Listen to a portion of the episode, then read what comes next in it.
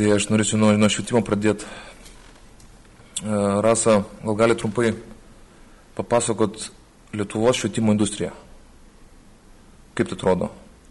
Konkrečiai mano klausimas yra, mes turime mokyklas, turime universitetus, bet kas formuoja tiek turinį, tiek formą, kuris yra dėstas mokyklose? Kaip tai visas atrodo iš valstybinio, iš valstybinio aparato? O gali iš to klausimo neužduoti, nes žinok, aš taip į jį atsakysiu, kad aš net nenoriu jį atsakinėti. Nes man atrodo, tai labiausiai žlugus sritis iš vis Lietuvoje. Aš tai pritariu. Aš vadėl to man, man tas yra įdomu. Tas momentas visas nu, švietimo tematika. Noriu ją šiek tiek pagabinti. Reiškia, jeigu dabar konkretint situaciją. Dabar, kur buvo matematikos egzaminas. Nu, čia daug jis sukėlė šurmulio.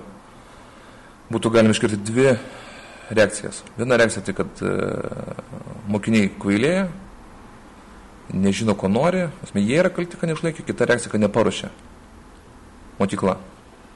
Mano supratimo abi šios pozicijos yra nevaisingos. Aš galvoju, kad yra arba kažkoks platesnio pobūdžio reiškinys, kuris šitą vietą tik tai kristalizavosi, arba visiškai tokia būtų mano tezė, e, kad dieną prieš tai vyko galbūt koks nors sporto renginys labai svarbus ir vis, visi, visi moksleiviai tiesiog neįsimiegojo, nes naktį rodė galbūt kokį žaidimą turnyrą. Mokykla ir mokytojai dirba 16 mm, amžiui vis dar yra, o mokiniai yra 21 amžiui. Ir va čia yra pagrindinė, man atrodo, problema visiškas ne, netitikimas pasaulė žiūros, netitikimas to, kaip žmonės mokosi, to, kaip juos bando mokyti ir to, kaip vaikai mokosi. Nu, vaikai dabar yra tokie kitokie, kad šita tradicinė švietimo sistema jiems nebetinka niekur ir per niekur ir niekaip. Jis tinka labai, labai mažam procentui vaikų. Nežinau, penkiem procentam tai tie vaikai paskui baigia licėjų ir, ir kažkaip tai kapstosi toliau. Visi kiti dar yra grupė vaikų, kurie sugeba visą tai nutilėti ir kažkaip irgi prasmukta mokykla ties viduriu, besikankindami žiauriai, bet, bet bent tylėdami. Ir yra grupė mokinių, kurie priešinasi visai šitai sistemai ir tada jie baigia blogai. Jie mokyklą baigia blogai, tai nereiškia, kad jie gyvenimą baigia blogai, bet mokyklą jie baigia blogai. Bet mes turime šitą problemą 30 metų skaluojama. Kiek aš pamenu, tiek vis laik yra problema įvairiausi pasiūlymai metodologijos, bet kodėl neįvyksta perėjimas? Jo, žinai, aš kai pradėjau švietimo sistemą dirbti prieš 20, gal 5 metus, aš irgi buvau, žinai, pilna optimizmo ir tikėjimo, kad tikrai kažkas pasikeis. Nu, negali būti, kad nepasikeistų, ne? O kai dirbau Europos tarybai, irgi atrodo, nu, tiek yra tikrai būdų, kaip padaryti visą tai kitaip ir tiek ir mokymų ir bet ta sistema yra tokia sustabarėjusi ir universitete, tarkim, ne, mes ruoždavom tikrai gerus studentus, tikrai moderniais metodais, tikrai išleisdavom tuos studentus šviečiančiom akim. Jie eina į mokyklą ir kaip į liūną įkrenta. Ir tas liūnas juos pamažu, pamažu ir sugraužia. Arba jie išeina, arba suliūnėja ir, ir viskas. Man gaila taip sakyti, aš nu, tikrai pripažįstu, kad yra, yra ir, ir gerų mokytojų, vienas kitas tikrai, bet, bet iš esmės tai yra liūnas. Kaip, labai man to gaila, bet tai yra liūnas. Tik grįžtant prie to aparato momento. Mhm. Tai jūs sakote, kad e, vieta, kur sustoja kažkokia naujų idėjų pikaita ir evoliucija yra mokykla. Ne, pavyzdžiui, švietimo ministerija, ne kažkaip politikų sprendimai. Ne, man atrodo, kad vis tiek ministerija turi gerų idėjų ir tie visi mokymai šio laikiniai, jie tikrai turi gerų idėjų, bet kažkaip jie nepermuša vis tiek tos mokyklos sustabarėjimo. Na, vis tiek mokykla priešinasi bet kokioms naujovėms. Nežinai, gal čia tie pastatai, klaikus pastatai, klaikus kiekiai tų vaikų sukišti į tas pačias mokyklas. Na, ten apie kažkokius naujus metodus negali nieko naujo padaryti tam pačiam pastate, kuris tiesiog nepritaikytas niekam naujam. nežinau, bet iš kitos pusės pastato naują mokyklą ir sistema joje vis tiek yra ta pati. Na, taip, tie, tie raktažodžiai visokie pakeliauja, ten pavyzdžiui, interaktyvumas arba kokia nors vizualinė medija. Tikrai esi, tai- tu, aš nežinau, kada tu paskutinį kartą buvai mokykloje arba kok- mokyklinio amžiaus vaikus ir tu paklausk jų, koks ten yra inter, interaktyvumas ir kokia ten yra medija ir iš vis, kas vyksta mokykloje. Ne, bet aš tai, tai ir kalbu, tas mes atsiranda raktažodis, atsiranda konferencija, atsiranda metodinis priemonės, Kurios atsiranda institutas. Konferencijos labai geros, metodinės priemonės labai geros, viskas labai gerai. Klausimas, kiek tai yra taikoma mokykloje, nei kiek. Ne, niekas nepasikeičia. Ne. Net jeigu ten ta kažkokia lenta speciali. E, atsiranda. Tai, nes aš kaip tik, tik prieš, prieš porą dienų perskaičiau, pavyzdžiui, tos ginčius tarpukario kompanijos. Čia labai buvo svarbus švietimas, nus laikas. Mhm. Visą laiką buvo švietimas, ten, kaip kalbėjau su vienu svečiu, tai tiek apskritai, kad Platono valstybė iš esmės yra apie edukaciją. Tai momentas tas buvo, kad ten iš esmės buvo labai gyva tokia ir labai kažkaip man persiskaitė naujoviškai. Diskusijos apie seksualinį švietimą net nebuvo. Jo reikia, taškas važiuojam toliau. Čia kad prisimenat mūsų dabar mm. neprasniausius įvykius. Ir buvo grinai va, iš tokių kažkokių filosofinių, antropologinių pozicijų ginčiamės, kaip turėtų vystytis. Niekas iš tų ginčių, ar tai būtų, kad, e, kad e, kultūrinės vertybės, pavyzdžiui, Šalkausko pozicija, ar tai būtų, pavyzdžiui, tautinės mokyklos kažkokios idėjos, niekas iš tų dalykų nenusėdo mokykloje. Tai tiesiog aš vėl noriu fiksuoti tą momentą, nu, sakykim, ne, ne kalties, bet čia mentalitetas vietinis, direktoriai kažkiek. Kad bet tiesiog šiaip procesai vyksta, atrodo iš viršaus, bet jie pačiai nenusileidžia.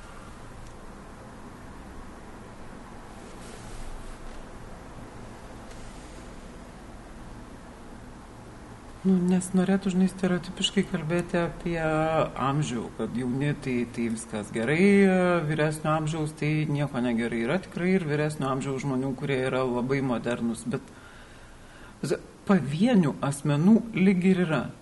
Bet kažkaip neina permuštos bendros sistemos kažkodėl. Kažkaip. Tas bendras liūnas yra toks didelis ir jeigu mokykloje yra tarkim, 70 mokytojų ir 10 iš jų net yra tobulų mokytojų, neina permušti likusių 60 ir tie 60 vis tiek, vis tiek žinai, ir, ir, čia ne tik tai mokytojai ir sistema, žinai, ko iš, jos, ko iš jų reikalauja ruošti mokinius egzaminams. Um, Nėra žmogaus mokykloje, ne. Žinai, e, Europos taryba darė tokį tyrimą, kur apklausinėjo mokinius, ar mokiniai nori eiti į mokyklą. Didžiulis tyrimas visose Europos valstybėse buvo atliktas. Paklausti klausinio pradinukų, paskui vidurinės ir gimnazijos mokinių, ar jie nori eiti į mokyklą. Spėk, kiek procentų mokinių nori eiti į mokyklą. Mažai spėk, mažai, labai mažai. Dar jeigu pradinukai biški nori, tai paskui kuo toliau, tuo, tuo mažiau jie nori eiti į mokyklą. Ten, žinai, baigiamosiose klasėse gal 9 procentai nori eina. Ir, ir panaši, panašus skaičius yra visose Europos valstybėse. Ta tyrimą, tą anketą, žinai, kas atliko? Bendrosios praktikos gydytojai. Todėl, kad vaikai, kurie nenori eiti į mokyklą, o yra į ją eiti priversti, anksčiau ar vėliau atsiduria pas gydytoją, nes jiems skauda pilvą, jiems skauda galvą, jie vemia, jie nežinia, kažkaip pe, pe, pereina į somatiką, natūraliai. Mokiniai mokyklai nenori. Ta pati tyrimą atliko su mokytojai, spėk mokytojai nori į mokyklą? Nenori. Mokykla yra vieta, į kurią niekas nenori eiti. Niekas.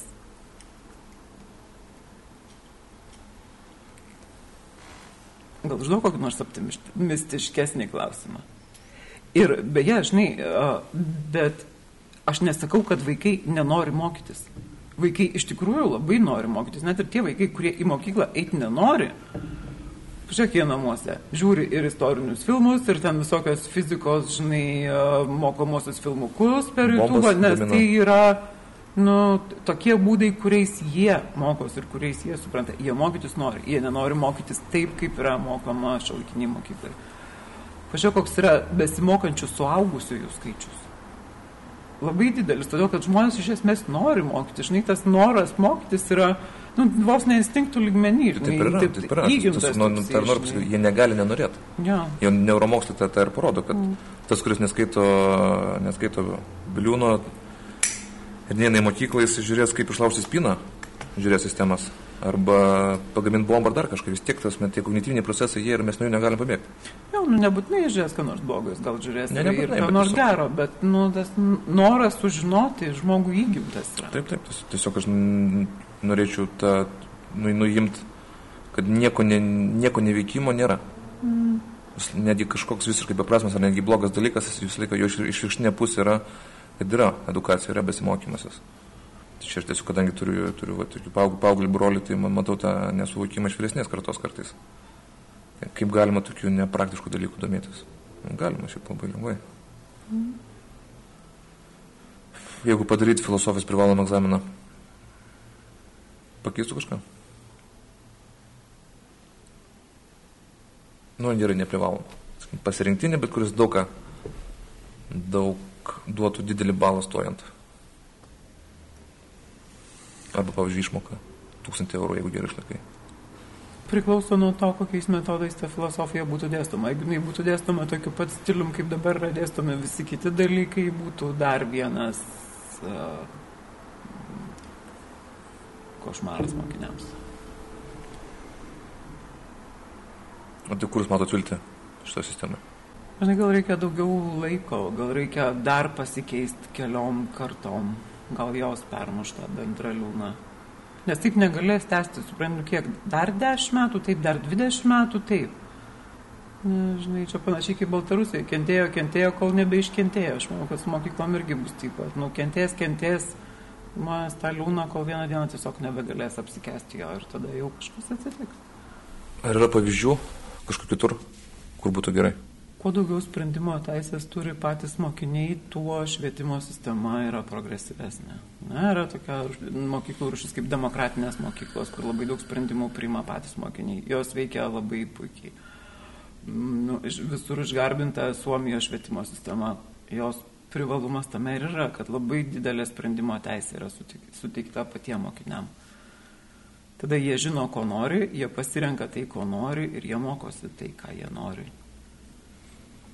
Ir galvoti, kad tada vaikai pasirinks nieko neveikti, labai klaidinga. Vaikai nesirenka nieko neveikti. Jie supranta, jie supranta švietimo svarbą. Jie supranta, kaip svarbu yra mokėti, išmokti. Ir jie tikrai nesirenka nieko neveikti, kaip dabar mes įsivaizduojam. Tai reiškia tokia situacija, kad fizikos klasiai du moksleiviai būtų nėra, o literatūros M50, pavyzdžiui. Visų pirma, nebūtų tokio dalyko kaip fizikos klasė jau pradėkime nuo to. Nu, gal kažkoks, kažkokia vieta fizikai būtų, bet žinai, ta klasė kaip klasė, pamoka kaip pamoka, nu, nebūtų tokių dalykų. Būtų tiesiog konsultacijos su mokytojais, o ne, o ne kažkokios bendros klasės, kodėl, kaip sakai, matematikos egzaminas, kodėl jisai absoliučiai nesėkmingas. Todėl, kad tu negali visų vaikų matematikos dėstyti vienodai. Aš pati universitete dėščiau logiką ir aš suprantu, kad suvokimo lygis studentų labai skiriasi. Vieni supranta per vieną paskaitą, kitiems reikia dešimt paskaitų, kad suprastų vieną ir tą patį dalyką. Na ir tada, nu, žinai, aš universitete turiu, turėjau galimybę dirbti asmeniškai arba eiti tokiu greičiu, ko, kad suprastų visi ir sugebėtų pasivyti visi. Matematikos mokytojas negali to daryti. Tada varo greičiu, kuris yra nepavežamas daugeliu mokinių Ir tada, žinai, geriau išmokytų ko nors, o šitą sistemą neišmoko nieko. Tai reiškia, Suomijoje tokių dalykų kaip pamoka nėra? Nu, fizikos pamoka. O yra fizikos dalykas, į kurį tu ateini tada, kai susitari su mokytoju ir ateini be 15-11, jeigu tu susitari be 15-11. Ir ten sėdi gal dešimt mokinių, vienas ten penktokas, kitas dvyliktokas ir jie visi studijuoja fiziką tuo metu. Kai tu išsiaiškinai savo dalyką, apsisukai su visom knygom ir eini pas kitą mokytoją.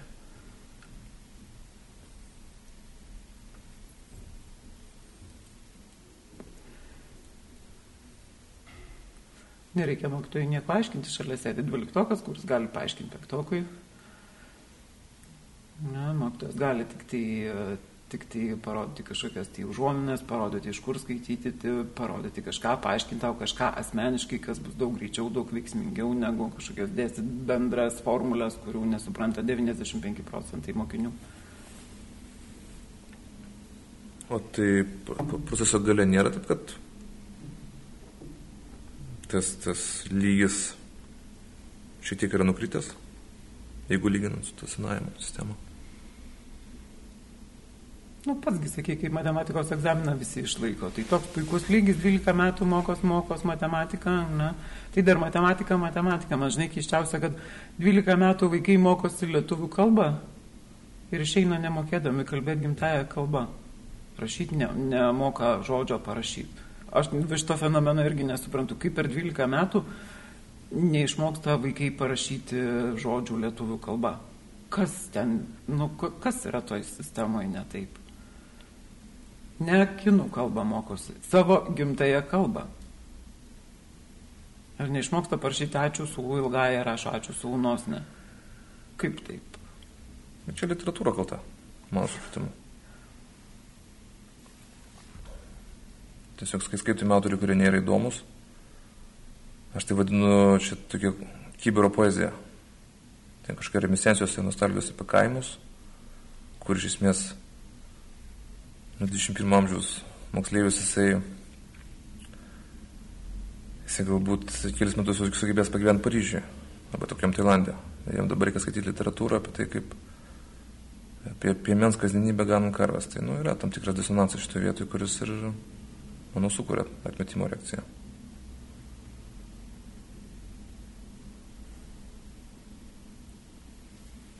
O šiaip kažkaip procesai vyksta link to demokratizėjimo, demokratizacijos, edukologinio proceso.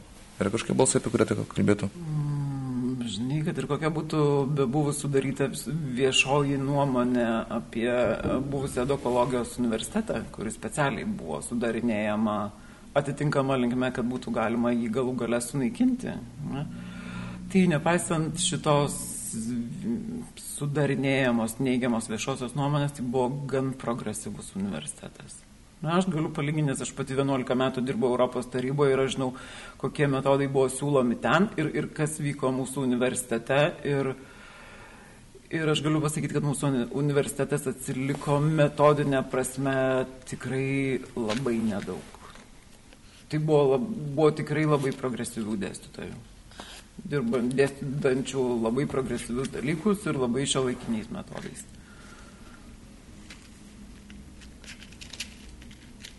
Bet jo nebėra, švietimą perėmė kažkas kitas, tikėkime, padarys geriau. Žinai, nes universitetą tam panaikino, kad jis, todėl panaikino, kad jis buvo atseit blogas, tai dabar laukiam, kas padarys geriau. Nu, tikėkime, kad kažkas padarys geriau. O vaikams aktualus dalykas? Būtis filosofija. Nes aš asmeniškai pakankamai galvoju, kad būtų geriau vaikams galbūt skaityti klasikinę literatūrą tada. Duma, Stevensoną.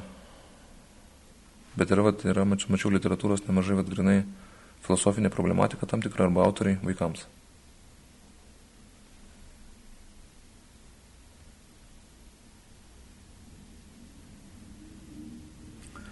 Uh, Ne, tik tai reiktų pagalvoti tada, kaip nuleisti filosofiją iki vaikų lygio. Kaip tą problematiką padaryti aktualią vaikam. Nes jeigu tu pradėsi kalbėti apie būti, šeštokui gal ir visai, ne visai bus suprantama, ko čia dabar tu nori. Ne? Arba apie fenomenologiją. Kas yra iš esmės labai įdomus dalykas, tik tai reikia nuleisti iki šeštokų lygio. Bet pats momentas, pati, pati, pati, pat, pats siekis, jisai turi kažkokį, kuo jisai, kuo jisai skiriasi nuo šį vat, bendrosios kultūros kažkokių žinių. Arba, na, aš vat, grinai kalbu apie šitą filosofinę literatūrą, vat, kur yra. Man atrodo, Lietuvoje išleista tokia knygelė, kažkaip Martinas ir Tarakonai vadinas, pavyzdžiui, apie Heideggerio filosofiją vaikams. Mm. Man dar apie Dekartą yra.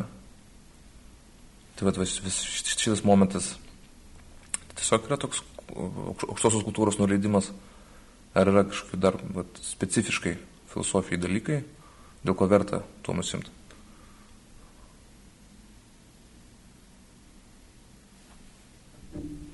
Filosofija iš esmės yra mokymasis mąstyti.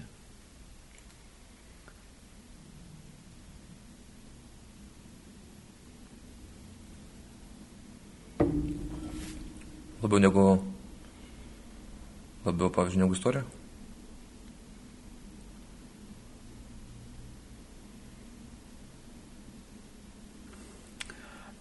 Ar mes kalbam apie istoriją taip, kaip jinai yra dėstoma, ar mes kalbam apie istorijos filosofiją. Jeigu tai istorijos filosofija ir jeigu istorija žiūrėtų šiek tiek atsitraukę ir žiūrėtų į bendruosius principus, tada taip. Bet kadangi istorija yra tiesiog datų ir mūšių mokslas dabar bėgo su šituo kardu, o už 3-10 metų jau važiavo su ratais, Suprantate, iš istorijos neištraukia bendrųjų principų, ne, žiūrėkit, va tada tas vyko ir, ir paskui kartojosi, žiūrėkit, kas kartojosi, kas nesikartojo.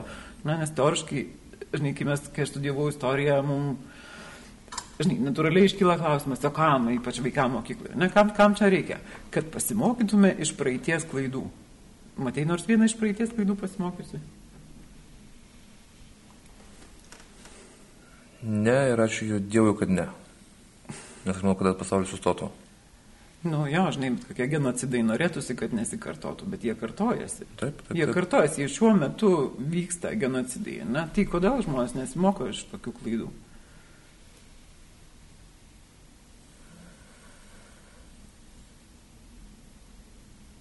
Todėl, kad nėra mokyklose dar vienas labai svarbios disciplinos.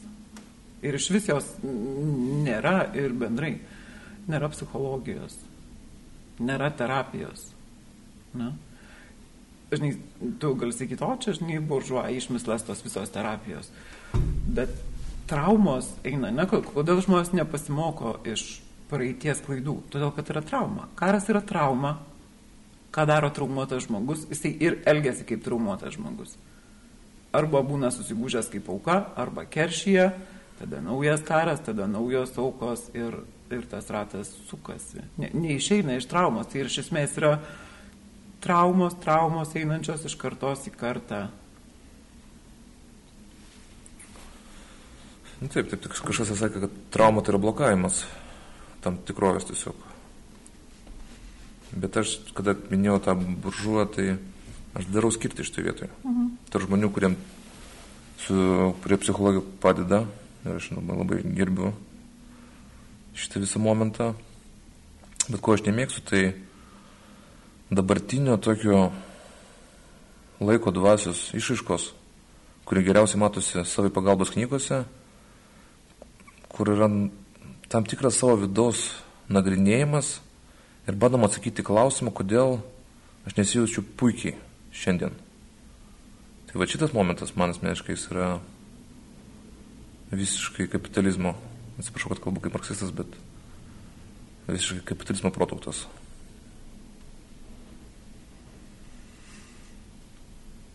Ir aš galvoju, kad um, mes kažkaip kalbėjome, sakėt, kad jūs galvojate, kad žmogaus vidus yra neįsiama, neįsiama tam tikra erdvė. Kad, aš tai galvoju, kad net tuštuma yra. Aš galvoju, kad žmogus viduje yra niekis ir žmogus gyvenimas yra įdomus tiek, kiek jisai mato kitą, kad ir kas tai būtų. Bet visą laiką aš asmeniškai galvoju, kad turi būti žvilgsnis nu, į išorę, į tikrovę, o ne į vidų. O jo, terapija ir yra būtent apie tai, kas tavo viduje blokuoja tavo išo, žvilgsnį į išorę. Tu save nagrinėjai ne, ne tam, ne, ne savo o iš esmės save nagrinėjai tam, kad pamatytum, kodėl tu negali būti santykėje su kitais. O ne tam, kad išsispręstum savo problemas ir sėdėtum po pušim savo pakankamas. Žmogus yra sociali būtybė, nu, kiek tai, kol sėdi po pušim, tobulas. Tobula, aš kol sėdžiu vieną namuose, nu, viskas fainai, žinok. Visai aš neblogai, žinai, atrodau pati savo. Tik išeinu į pirmą kontaktą ir paaiškėja,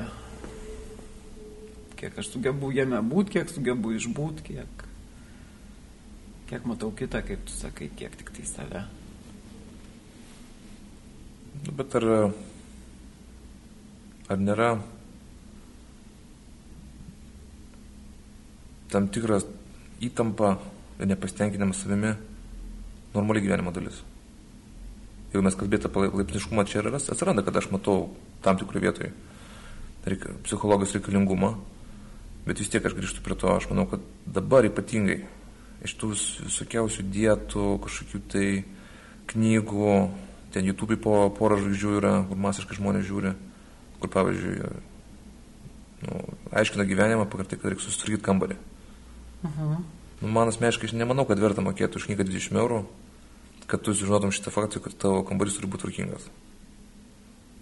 Ir jeigu tu tai taip darai, tai reiškia, nu, vienai per kitaip esi tam tikrą prasme buržujus. Tai va šitas laipsniškumo momentas, kur iš esmės visą, visą laiką remiasi tą, kad, aš žinau, mes, čia taip nenoriu fatalistiškai skambėti, bet yra dėgiama baimė numirti. Ir per tai yra vykdoma tam tikra kontrolė kapitalistinė. Bet psichologija neturi, neturi savo viduje, gal ir turi, šiaip aš nesakau diskursų, kuris sugebėtų šitą momentą fiksuoti. Bet kokią problemą similiuoja į save ir mes ją tada sprendžiam. Kur sprendimai dažniausiai gerai yra, tai ten yra nu, normalus, normalus mokslinis, mokslinis diskursas. Bet niekad kartais pritrūksta pačios problemos o tokio klausimo, kiek jinai yra iš tikrųjų problema, o kiek tiesiog gero gyvenimo šaltinis efektas. Niekada nesu turėjus kliento, kuriam e, nereiktų terapijos, kuris būtų taip paties tik iš išsidirbinėjimo ir neturėjimo ką veikti. Nu, tikrai ateina į terapiją žmonės su labai giliais pažeidimais. Ne, ne, žinok, tai nėra toks malonus užsiemimas, kaip gali atrodyti ne, iš išorės. Ir terapija yra labai sunkus darbas ir pačiam klientui tai yra labai sunkus ir dažnai labai nemalonus darbas. Ir žmonės neina taip džiugiai, žinai, dažnai žmonės sako, aš tikrai mieliau šiuo metu būčiau kur nors kitur, o ne terapijai. Ir į terapiją ateina žmonės tik tai tada, kai jau jie nebeturi iš ko rinktis, jau jie yra tarsi, tiek įsprausti į kampą, kad, žinai, čia kaip ir nu, pas dantistą eini tik tai tada, kai jau tau dantis skauda taip, kad iškentėti negali. Tai va, į terapiją ateina žmonės tokie. O dėl savipagalbos knygų, nu gerai, tegu skaito žmonės. Tegu, tegu skaito. Nu, jeigu žmogus nežino, kaip susitvarkyti kambarį. Ne? Jeigu nežino, kad reikia, jeigu tu išmesi pusę daiktų, tai tavo kambarį bus tuščiau. Ne? Tada tau bus lengviau tvarkytis. Ar gali tai būti? Aš netikiu. Nu, matyt, gali. Tai kodėl šita knyga buvo bestselleris? Matyt, gali. Matyt, žmonės šitą arba, arba nesupranta, arba, žinai, vienas dalykas, gal jie supranta, bet tiesiog neturi nu, palaikymo tokio, žinai, nes, nes palaikymas dažnai eina iš anos pusės, kuris dažnai iš ankstesnių kartų, kur sako, niekada nieko neišmes, nes visko gali prireikti. Na, tu pažiūrėk, mūsų, mūsų, tarkim, senelių karta, tavo seneliai, kad nors kada nors gyvenime išmetė? Mano tikrai ne. Na ir, ir, ir dar ir tėvų kartoje mūsų yra tas, kad nieko neišmesk. Na, tai vat, jeigu užaugi to, tokiu stilium, nieko neišmesk. Tai tada tiesiog reikia patvirtinimo iš kitos pusės, kuris tau pasakytų, išmesk ir bus dar geriau.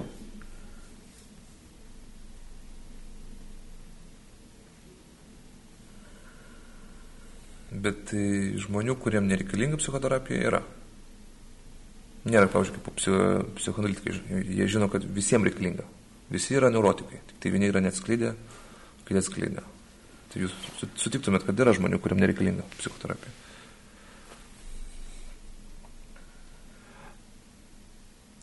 Ar būtų gerai, jeigu žmonės turėtų daugiau šiaip psichologijos žinių ir įgūdžių, tai būtų gerai, tas emocinis intelektas žinai, ne, nepakenktų niekam jį pralavinti, bet ar visiems reikia terapijos? Ne, tikrai neužtenka, daugumai užtenka tiesiog pasikalbėti su, su draugais arba ir tų pačių savipagalbos knygų paskaityti.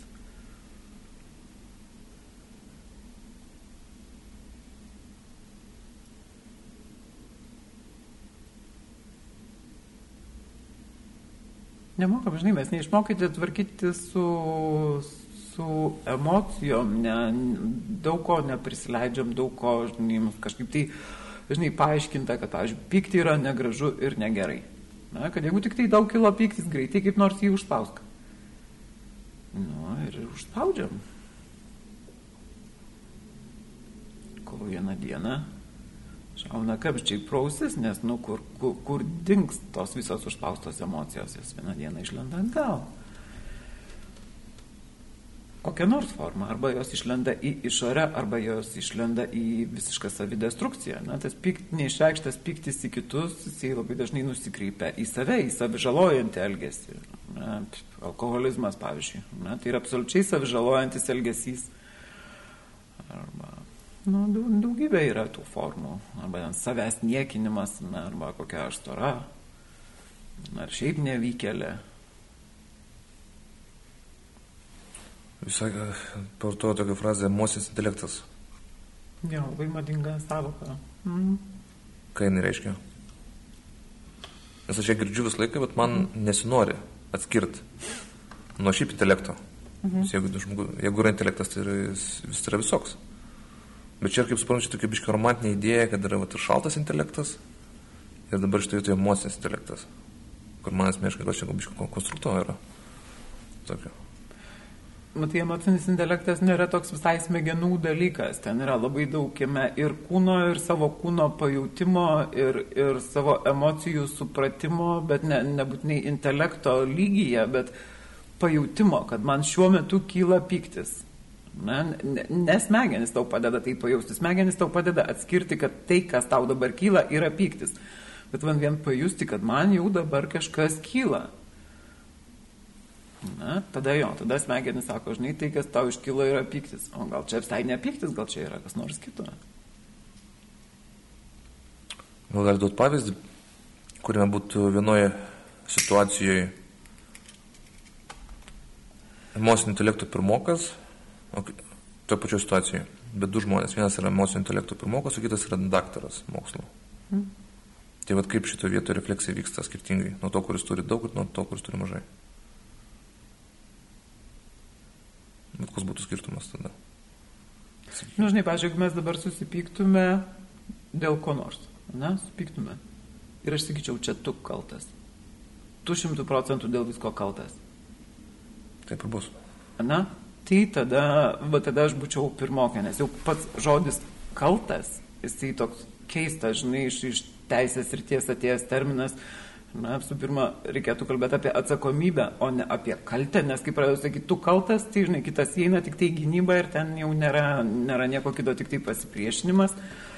Ne, kas atsakingas už įvykusių konfliktą, nu visada, visada abu. Na, tai va tas suvokimas, sakau, jeigu aš sakyčiau, kad šimtų procentų kaltas tu, tai tada aš pirmokė jau būčiau.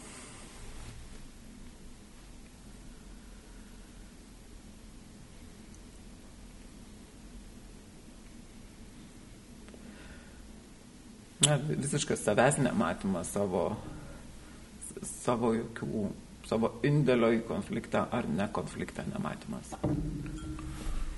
Bet tai nėra vien tik tai intersubjektivus dalykas. Jis gali būti ir santykis su savim. Emocijų intelektas. Mhm.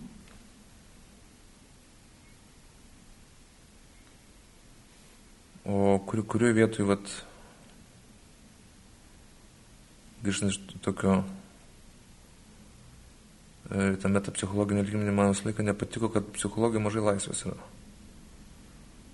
Dažnai yra tokie kauzalistiniai ryšiai. Žmogus yra statomas. Čia tai teisingai masto jūsų manimu, ar ne? O, jo, teisingai. Yra daugiau to psichologijoje negu filosofijoje. Iš pirmo žvilgsnio lyg ir, bet žinai, nu, tiesiog pasaulis veikia taip Na, pasaulyje yra priežasties pasiekmės ryšys visą laiką. Jeigu yra pasiekmė, visada bus tos pasiekmės priežastis. Klausimas, matai ją ar nematai. Nu, bet filosofija sako tą patį.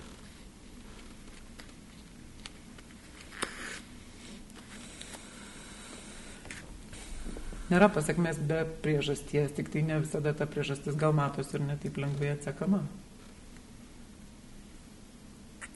Tai ku, iš kur iškildina tada žmogus laisvė? Per samoningą suvokimą priežasties? Nu, aišku, jeigu tu, žinai, lipi ant to paties greblio ir amžinai lipi ir amžinai gauni kaktą ir, ir ten praėjo tris mėnesiai atsigavai, tik tai išėjai ir vėl ant to paties greblio ir vėl kaukšti kaktą. Tai tu turi pasirinkimą, ar taip ir vaikščios visą gyvenimą laipėjant ant greblių, žinai, ir, ir ten gydantis kaktą, ar kažką su tuo daryti, pasižiūrėti, kas, tavo, kas yra tavo greblis, kas tave verčia ant to greblio lipti gal, dali, gal gali padaryti kažką kitaip ir pasirinkti kitokį elgesį, apeiti tą grėblį arba bent jau lip ne taip smarkiai.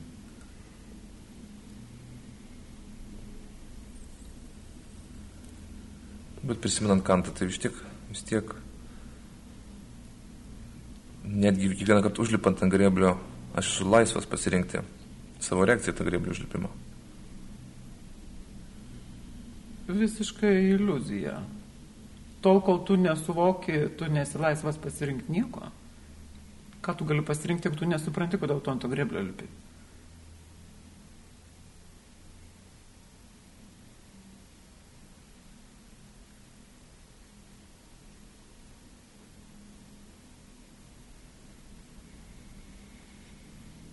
Na, galime labai paprastą būtinį pavyzdį, ne, pavyzdžiui. Susirandi merginą. Na, susitiko, susipažinot, viskas kaip fainai, pirmą mėnesį labai fainai, antrą mėnesį jau biški mažiau fainai, nes jinai pradeda tau priekaištauti, kad tu jai skiri per daug, per mažai, pavyzdžiui, dėmesio. Na? Arba per daug dėmesio, ko tu prie manęs prisvilęs. Tada dar mėnesį pasikankinat ir tada tu jau nebegalėdamas iškesti iš tų visų konfliktų, tu mergina išsiskiri. Pusę metų praėjo, atsigavai, na, susiradai merginą. Pirmą mėnesį viskas fainai. Antrą mėnesį jis savo klausyk, ko tu prie manęs štai prispilės. Na, tada trečią ir vėl tas pats, tada ketvirtą ir vėl tas pats. Tu laisvai pasirenki merginas, na? Gali būti, kad tu jau pasirinkdamas merginą pasirenki merginą, kuri nėra pasiruošus jokiem santykiam ir nei nenori santykių ir bet koks tavo santykių norėjimas bus traktuojamas kaip prilipimas. Na? Gali būti jau, kad tu čia paslysti, jau pasirinkdamas merginą. Bet to nesuvokti, nes pradžioje atrodo viskas fainai. Gali būti, kad tu iš tikrųjų per daug prisvyli, nes esi ko priklausomas ir nesugebi išlaikyti adekvataus santykio. Tai žinai, vat, ne, nesuvokimas, ką tu darai, kodėl tu darai, tu neturi laisvės pasirinkti, kol tu nesupranti, kas, kas čia vyksta, kodėl viskas vyksta pagal tą patį šabloną. Nors nu, pradžioje atrodo viskas taip skirtingai. Prieš tai blondinė buvo, dabar ne blondinė, ne, prieš tai buvo ten, tarkim, kirpėja, dabar universiteto dėstytoja. Nu viską jau visai kitokią išsirinkau. Nu, greblis tai tas pats, kaukt per kaktą vėl.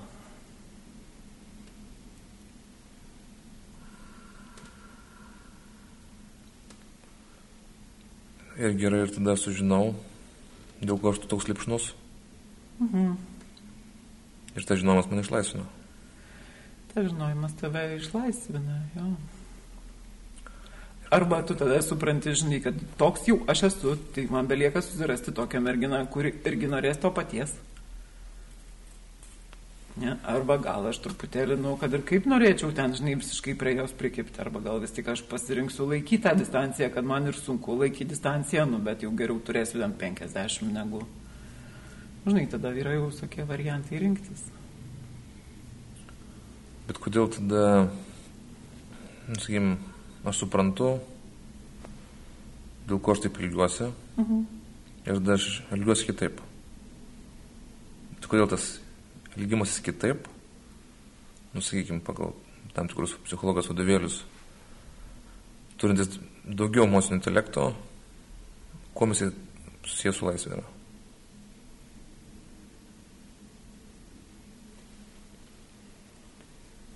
Tiesiog galbūt vienas, vienas modelis, vienas naratyvas yra pakeistas kitu naratyvu.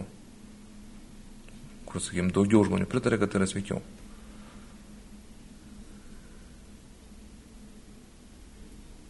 Žinai, nėra tokio dalyko sveikiau, nesveikiau, tu iš esmės renkiesi, kas tau yra sveikiau, nesveikiau ir kaip tu nori gyventi, renkiesi pats. Tau nepasakys joks terapeutas, kad žinai, va čia sveika, va taip daryk ir būsi laimingas. Taip nėra. Klientas pats renkasi, kaip jisai nori. Bet vis tiek riba yra. Jeigu matot, kad destruktyvus veiksmas, jeigu aš sakau, kad aš pats taip tai savo taip noriu, tai vis tik jūs man pasakysite, kad čia kažkas ne to yra. Jeigu jūs dabar alkoholizmus minėsiu dar kažko. Tai vis tiek yra tas toks biškės. Suprantu, kol aš tau pasakysiu, kad čia kažkas yra ne taip, tu sakysi, nepatiko man šitą terapeutą, kažkokią nekvalifikuotą, einu paieškosiu kito terapeutą. Konkrečiai nekalbu ne apie jūs, bet... Jo, aš suprantu, bet suprantu, kol žmogus pats ne, nepamatys, kad ką jisai daro, iš išorės pasakymai nieko ne, nepakeis. Jo, aš pasakysiu, kad pasakysiu, bet, bet jeigu tam taip, žinai, iš vidaus nepritars, tiesiog pakeisi terapeutą. Arba iš vis mes terapiją. Bet, žinai, jau kai ateina žmonės į terapiją, jie pripažįsta, kad jie tikrai turi kažkokių problemų, kad jie tikrai turi kažkokių, nežinau, būdo trūkumų arba, arba elgesio problemų ar, ar mąstymo problemų, kad nu, kažkas yra ne taip. Jie patys mato, kad jiem gyvenimas tiesiog nesikloja. Kokie yra didžiausi mitai apie šitą momentą ateimo? kad kiti dėl to kalti. Kiti, kiti kalti, žinai, va, ateina, jeigu tu to klausai. Ir to ir šiai dar, Aha. dar iki tol. Ar yra tas stigma iki šiol? Uh, kad, nu, va, čia jau kažkoks va, gaunasi vidinis, vidinis pralaimėjimas. Nes man atrodo, kad, man tai man atrodo, kad visiškai ne, kad yra racionalus sprendimas, kad tu sprendi savo problemą. Mm, jo, žinai, pas skrandžio gydytoją yra iki šiol daug normaliau negu eiti pas terapeutą, tas tai taip. Vienas dalykas, žinai, kitas dalykas, nu, žmonės labai nori susitvarkyti patys. Žinai, ta puikybė, kad aš pats susitvarkysiu ir tikrai, ir to labiau, žinai, jiem ir patirtis rodo, kad, nu, daugybę metų tai susitvarkiai. Ir atrodo, nu, susitvarkysiu pats, tikrai susitvarkysiu ir šį kartą pats ir, žinai, nusileisti iš tos puikybės ir pripažinti, kad vis tik nesusitvarkau pats. Va čia žmogui jau, jau yra sunki vieta šita. Prašyti pagalbos iš vis yra labai sunku. Nežinau, ar kaip tau sakas prašyti pagalbos. Pripažinti, kad, žinai, va čia aš negaliu ir man reikia, kad man kas nors padėtų. Sunku. Mes pilni puikybės. Kažkaip, kad skrandžio patys pasigydyti nemokam, tai, tai jo, kažkaip mes įtikinti, bet šiaip, nu ką, nesusitvarkai su, žinai, O kodėl terapeutas šitą vietoj tada yra geriau negu kaimynas?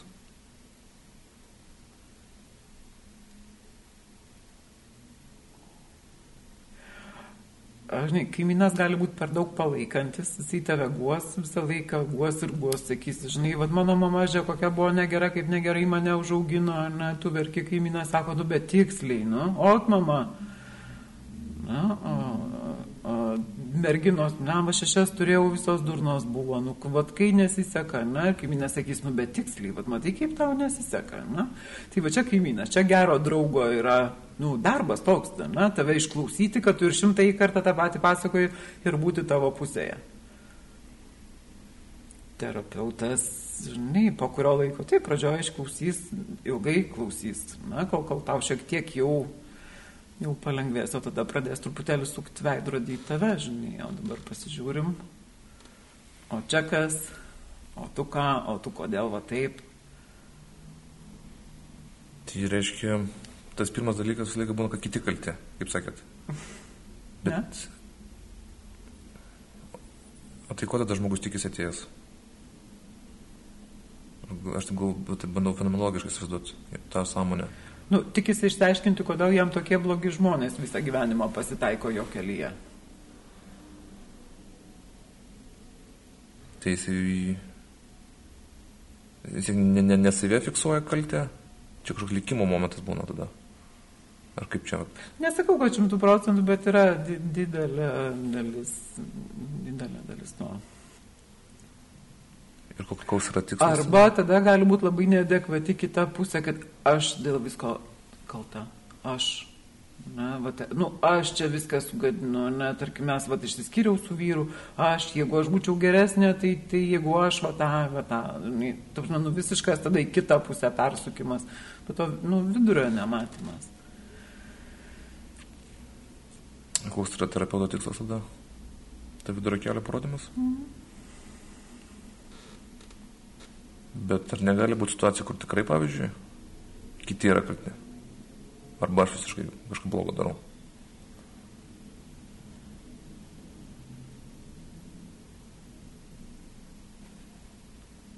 Nu, gali, aišku, jeigu tu išsirenki tokį partnerį, kuris, na, yra tarkim, ten, žinai, tave muša prievartauja, o tu stengiasi jam visai įtikti ir vis tiek tau nepavyksta. Na taip, nu, labai didelė atsakomybė yra tam partneriui, bet iš kitos pusės ir tau, o ko, ko tu vis ten dar ten. Na, ko tu susiradai jau antrą vyrą ir vėl toks pats, jau trečią vyrą ir vėl toks pats. Tai taip, tie vyrai labai blogi, sutinku, jie tikrai labai blogi.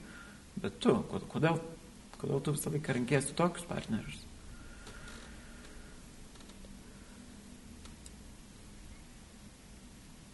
Tada gaunasi užduotis yra kažkaip gražiai tą įvaizdinti tą momentą. Aišku, kad gražiai terapeutas visą laiką dirba labai gražiai, su labai daug irgi palaikymo. Tikrai niekas, žinai, ten nekala į kaktą pirmą dieną, žinai, tai pati žiopla, žinai, ką iš beryšio išsirinkai, tai beryšio ir gyveni. Na, tai aišku, kad čia niekas tau nesakys, yra labai daug labai daug palaikymo ir pastiprinimo, nes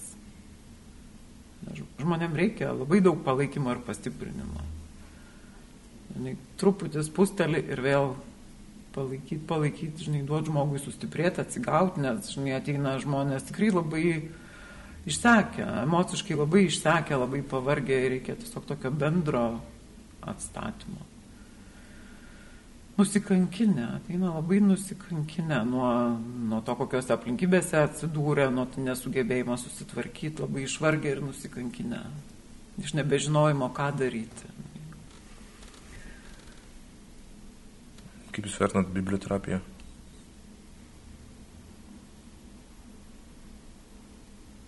Mm, aš vertinu gerai visus terapijos metodus, jie visi turi savo, savo pliusų, nebejotinai. Žmogus renkas, kuris metodas jam vieniem tinka, vienas metodas labiau, kitiem kitas labiau, bet dabar dauguma terapeutų dirba, tiesiog miksuoja metodus, lab, lab, žinai, kaip ir visose sritise tas multi daugėja, taip ir terapeutai, ne, tu dabar pažiūrėk bet kurį terapeutą, ne, ką jis yra baigęs Na, bus kokia nors jungistinė terapija, dailės terapija, biblioterapija, na, žinai, koks MDR ir kas nors, ne, jis turės penkis skirtingų pakraipų diplomus. Ir, ir dirbs su tais metodais. Nes... O pasirinkimas vyksta grinai atsižvelgus į to konkretaus žmogaus psichosomatiką jo visą patirtį. Kaip klientas renkasi terapeutą? Ne, kaip, kaip terapeutas metodologiją renkasi klientui. Nu, pavyzdžiui, vis tik biblioterapija aš įsivaizduoju kažkam labiau tiks negu kitam. Tai jis grinai, vat, nu, tiesiog žiūri konkrečią situaciją. Jo, intuityviai jauti ir, ir net, nu, kiek, kiekvienoje sesijoje tu tiesiog, nu, matai, kas, bandai, bandai spėti, kas tiktų labiau. Bet šiaip, žinai, knygų skaitimas ir filmų žiūrėjimas jau pa, iš esmės yra terapija. Na, nes, žinai, sukelia emociją, žiūrėk per kokį filmą ir nuverki dar, žinai.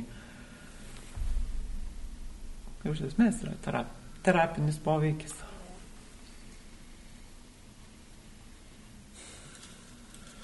Ir pritačiau daug knygų, nes knygose man asmeniškai yra labai didelis empatijos momentas.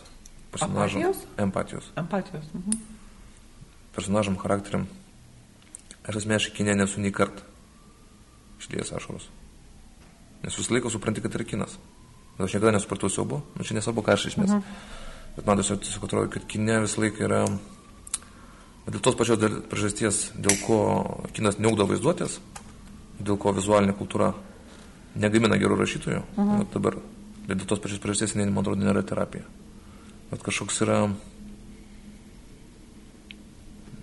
kažkoks yra kokybinis skirtumas. Eik, nu tai tu įsijausk labiau, aš tai kiekvien, nežinau, kiekvienam filmę nuverkiu po posmelį, nu vis tiek ten yra ko verkti. Protą išjungti truputėlį, protą. O kaip, kaip kitaip suprasti, ką matai? Žinai, mūsų bėda yra tas protas, kuris, kuris yra apėmęs viską. Žmogus ne tik iš proto padarytas. Tiesų nepritariu Jums. Aš manau, kad apskritai dabar yra antiracionalumo mada. Dabartinės visos, visos rovės paimkim tas pačias filosofinės madas, postmodernas, antropocenas, transhumanizmas, Harario ten ta knygėlė. Tai grinai, kad kažkaip gaunasi, kad žmogaus e, raida yra vos neatsitiktinumo ir tam tikrų evoliucijos mechanizmų užprogramuotas dalykas. Protas iš to vietų yra e, tam tikra racionalizacijos forma evoliucinės tikrovės. Čia mes nebegyvenam 19 amžiuje. Aš manau, kad dabar bet grinai yra problema tai, kad jo yra per mažai proto mūsų laikė. O kas pakeitė protą? Kas atsistoja dabar į proto vietą?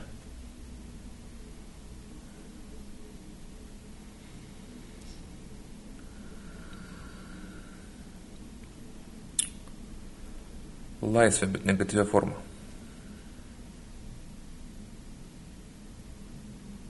Ką tai reiškia? Išmi... Tai reiškia darimas, ką norėjimas. Nes mano apibrėžimas laisvės. Tai yra tam tikras, nu, aš dabar galvoju, gal pakeisiu šį. Nu, bet sakykime, prie seno grįžtant, tai tiesiog politinis aktyvumas. Buvimas politinės bendruomenės nariu ir priimimas atsakomybės už tos bendruomenės veiksmus. Mhm.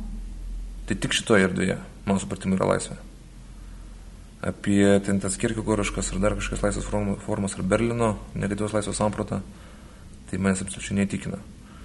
Dabar mes, kada gyvenam liberalizmo, tokiam, nu, amžiuje, kur iš esmės pagrindinė vertybė tampa žmogaus laisvės apsisprendimas ties viskom.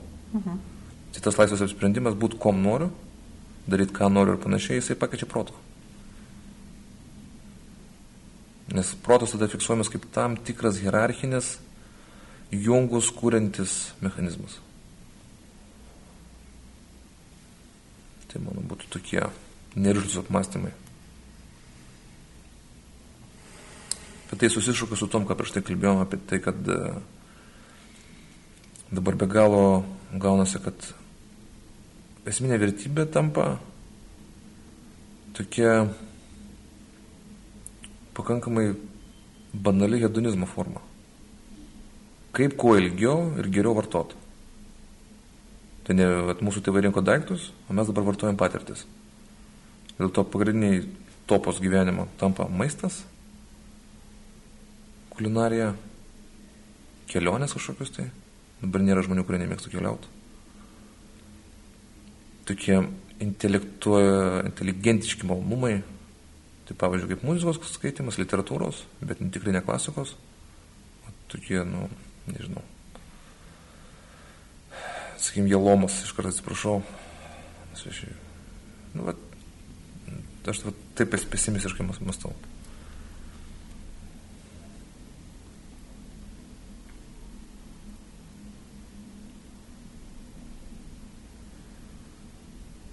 Žinai, gal aš gyvenu kažkokia burbule, bet mano artimųjų tarpe taip nėra. Ar taip yra, jeigu, tarkim, aš išeičiau į gatvę ir susidraugaučiau su dešimt atsitiktinių žmonių gatvėje, ar taip būtų, gal taip ir būtų, kaip tu sakai? Žinai, gal aš, nu, tikrai, žinai, dirbau universitete, kur žmonės yra vis tiek, ne, visuomenės, nu, truputėlį aukštesnis sluoksnis. Dabar vėl, žinai, nu, jeigu žmogus ateina į terapiją, tai reiškia, kad jau kažko nori na, jau jie yra. Žinok, nu, va, toje vietoje aš saistovėm nesutinku. E, na, aš kaip pažiūriu, kokie yra dabartiniai vaikai ir kokie mes buvom, na, tu, tu pažiūrėk, kiek yra pokyčių į gerą. Na, tarkim, tau kildavo, pavyzdžiui, toks klausimas iš vis šiukšlės, kaip išmesti ir kur išmesti, kad galima rušiuoti šiukšlės.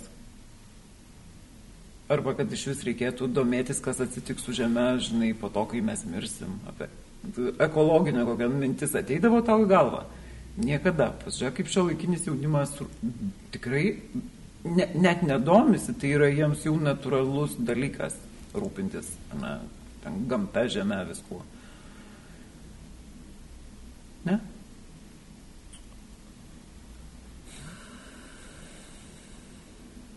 Tai yra, tai yra gerbtina ir aš džiugiuosi, kad taip yra ir kad dabar nebėra normalu važiuojantis pasidėjimo prie ežero išmesti šiukšlių mišus dar pus padangą seną miške. Mm. Tai čia tikrai tas yra, šito, šito vietoje nesu cinikas. Tai tiek, kad tas rušiavimas, šiukšlių rušiavimas tampa tam tikrai vėl terapijos forma. Tu jautiesi apie save gerai, tu gal kaip prisidedi prie kažkokio bendro, bendresnio gėrio, bet tai, kad tos šiukšlės po to bus nuvežtos ir tavo, tavo fenomenologinį patirtį artimiausių jų nėra, tai nereiškia, kad jis kažkur dingo ir bus pato išmestos. Aš tą problemą spręšiu visą laiką pirmiausia per politinę prizmę. Pavyzdžiui, e, mes šiaip ginčiomės nemažai su draugais šitą temą. Tas, vat, kur buvo Paryžiui ES iniciatyva, mm. tai sutartis žalioji. Amerikos prezidentas jos nepasirašė. Tai čia klausimas nėra, kiek jis blogas ar geras, bet klausimas, kiek ta pati sutartis būtų buvusi efektyvi, bet to, kad joje nedalyvavo Kinija. Dėl to žmogus, kuris nori išsaugoti gamtą, esmės dalykas būtų dabar ta politiškai aktyviu ir kažkaip prisidėti prie bendro spaudimo Kinijai, kad jinai savo tas imperialistinius užmojus sumažintų. O ne šiukšlių rušiavimas. Nes... Nu, tai prisidėk. Jo, aš, aš kalbu, aš prisidedu. Masiškai, kad masiškai žmonės prisidėtų. Tiesiog, kad šitos problemos sprendimas yra ne, ne savo tokio vat, kambario susitvarkymas, grįžtant esensimo, bet e, politiškumo ūkdymas. Nes, pavyzdžiui, tai ta pati, pati jaunoji karta, man atrodo, kaip niekad, jokia karta yra apolitiška. Jie nežiūri, neįdomu jiems nieks. Jeigu to neįdomu, kažkam kitam bus įdomu.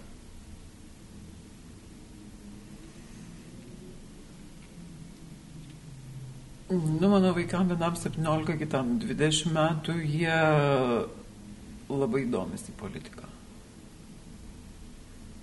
Ir vos tik tai gavo balsavimo teisę, iš karto bėgo balsuoti per pirmus rinkimus, nes jiem iš tikrųjų įdomu. Žinai, jie dar turi to naivumo, kad galima kažką iš tikrųjų padaryti balsuojant. Aš nemanau, kad tai naivumas. Tiesiog yra ne, čia tiesiog neteisinga racionalumo samprata yra.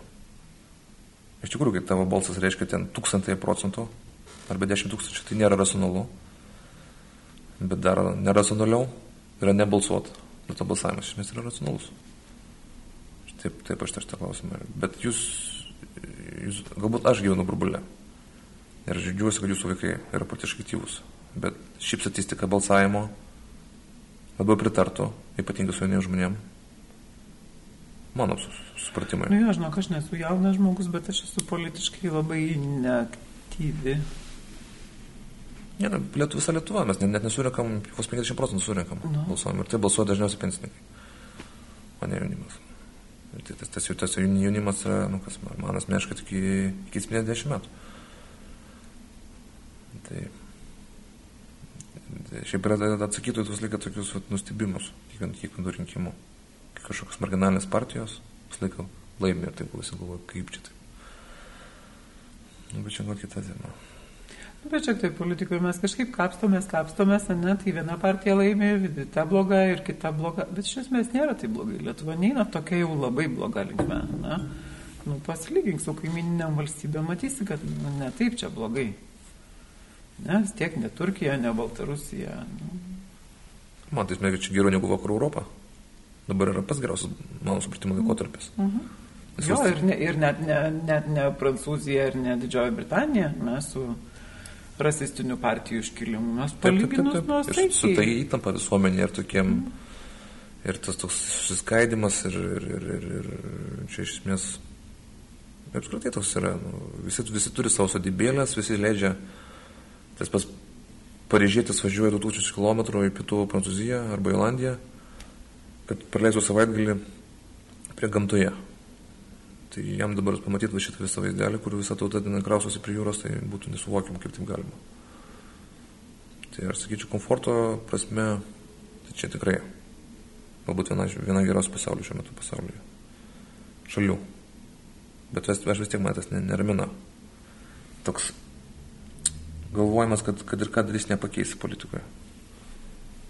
Tas, vat, nu, gerai, tarp jaunų, aš ir kolegas matau, čia kabliai dirbančius. Tai yra už jų pasaulio ribų.